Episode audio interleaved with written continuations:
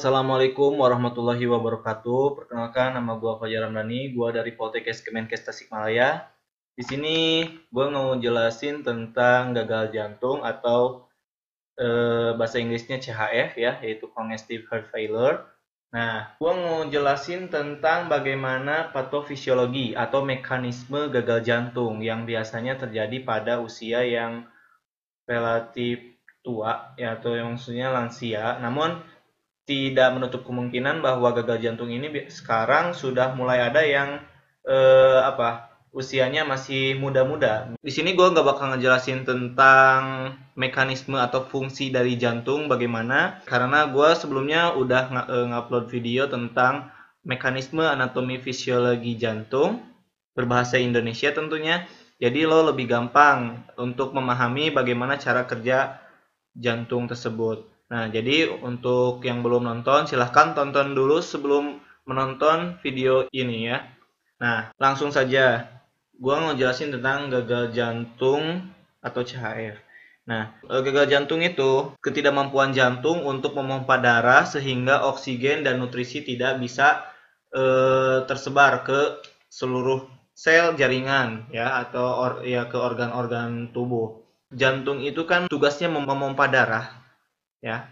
Jantung ini nih yang gambar hati ini ya perumpamannya jantung. Gua buat skemanya aja atau sketsanya aja. Jadi nah si jantung ini nah ini biar gak klik. Nah ini ya kursornya nah ini yang hati ini. Nah ini adalah jantung yang tugasnya itu memompa darah ya. Memompa darah. Jadi gagal jantung itu biasanya sebelum gagal jantung itu memompanya itu yang ter, eh, apa yang terkendalanya. Jadi gini, pemompaannya terkendala itu karena apa? Biasanya pemompaan yang eh, terkendala itu yaitu dikarenakan adanya eh, gangguan di jantung koronernya, ya bisa tersumbat atau sobek atau ruptur ya. Oh iya, pembuluh darah koroner itu pembuluh darah koroner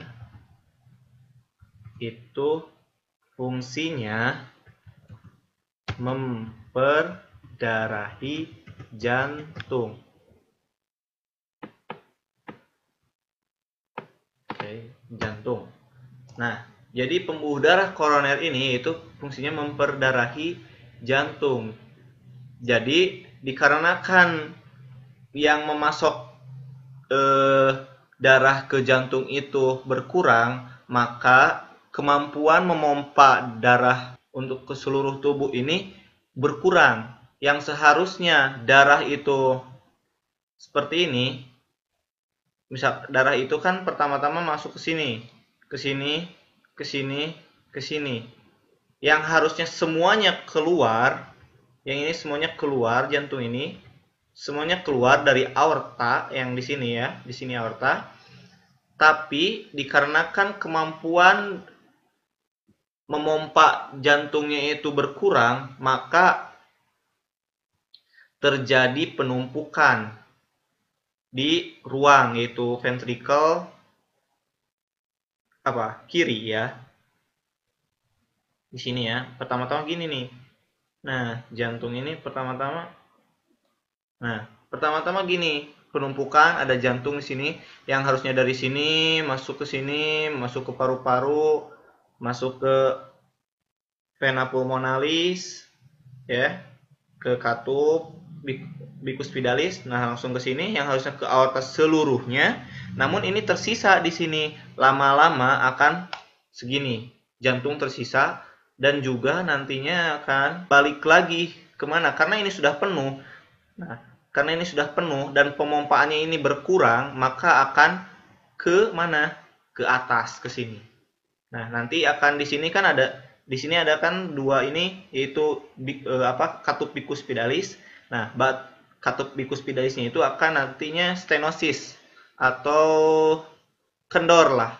Jadi si katupnya itu yang harusnya bisa menahan agar darah tidak naik ke atas ke atrium kiri, tapi dikarenakan adanya penumpukan di atrium eh kiri sorry nanti akan ke atas dikarenakan e, tidak bisa tidak mampu ya darah itu memompa seluruhnya memompa darah ke seluruh tubuh. Jadi masuklah ke sini dan nantinya malah masuk ke alveolus kembali. Nah kan di alveolus itu ada pertukaran CO2 di sini di paru-paru dan pertukaran O2 ya di kapilernya di alveolusnya nah tapi dikarenakan kembali lagi darahnya ke sini maka nanti akan terjadi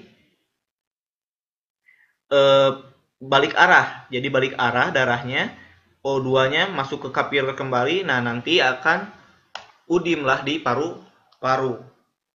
Nah, jadi kalau misalkan udim paru-paru, seperti apa nanti ke pasiennya? Ya pasti akan ada timbul gejala sesak nafas tentunya. Jadi, dikarenakan gagal jantung sebelah mana?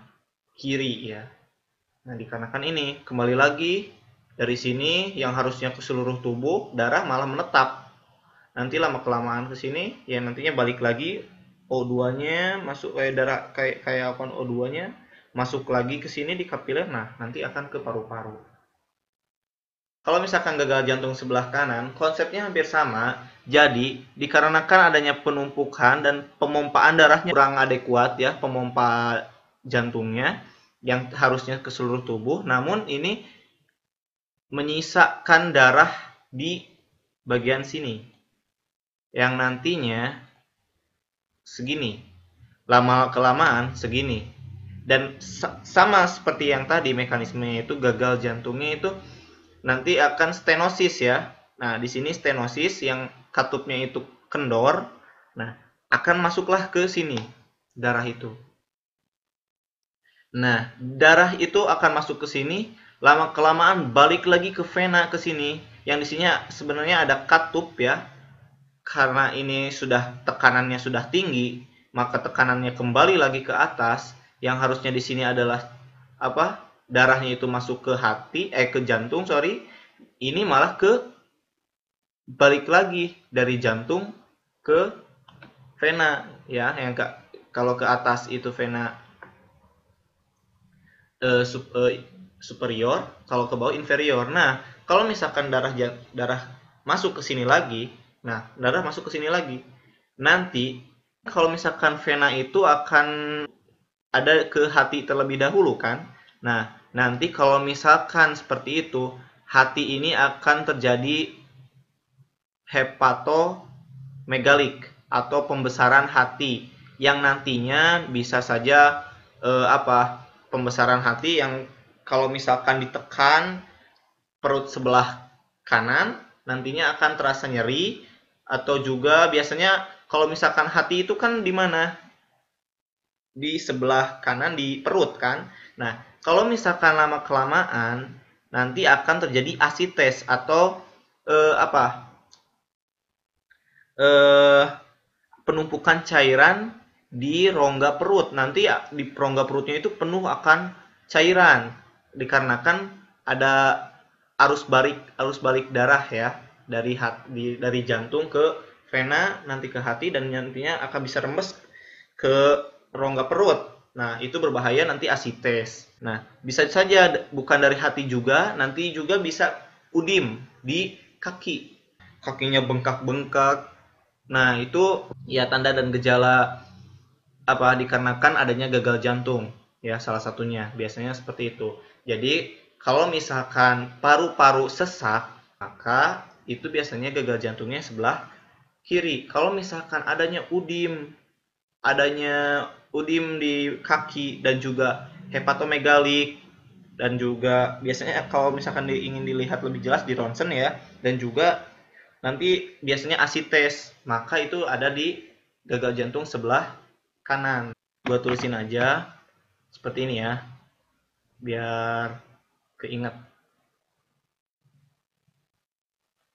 Gagal jantung ini kalau misalkan yang tadi yang sebelah kanan jantung sebelah kanan itu biasanya akan terjadi udim paru. Nah udim paru yang nantinya akan timbul apa?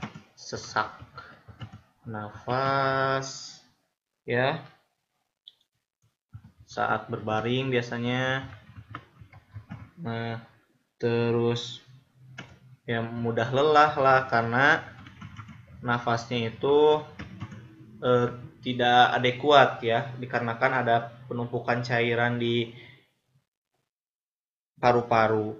Nah, terus ya seperti itu. Nah, kalau misalkan gagal jantungnya gagal jantung tadi gagal jantung sebelah Oh, sorry, ini kiri ya. Kiri ini sebelah kanan. Itu adanya apa tadi? Hepatomegalik atau pembesaran hati terus udim udim pada kaki yaitu hepatomegalit juga udim pada e, hepar atau hati kita dan juga ya tadi kalau misalkan oke okay, tadi ya ada asites asites atau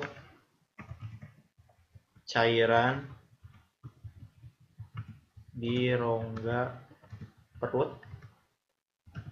Nah, seperti ini. Itu juga bisa. Jadi, pokoknya dikarenakan jantung tidak bisa memompa ke seluruh tubuh dengan adekuat yang seharusnya semuanya dikeluarkan dari jantung itu untuk memberikan oksigen dan nutrisi ke seluruh tubuh. Namun ini menyisakan jant eh, apa darah di ruang jantung yang nantinya akan seperti tadi yang saya jelaskan mekanismenya dikarenakan tadi ketidakmampuan jantung dalam memompa secara adekuat. Baik, mungkin seperti ini saja penjelasan dari saya. Kalau misalkan teman-teman mau komen dan juga mau tanya-tanya, kita sharing bareng-bareng dikarenakan saya juga masih belajar. Jadi kita sharing sama-sama dan juga kalau misalkan mau email Gmailnya yaitu fajarperawat@gmail.com dan jangan lupa subscribe karena gue nanti akan ngejelasin tentang mekanisme-mekanisme penyakit lainnya atau anatomi fisiologi lainnya pelajaran. Oke, terima kasih. Maju terus perawat Indonesia. Assalamualaikum.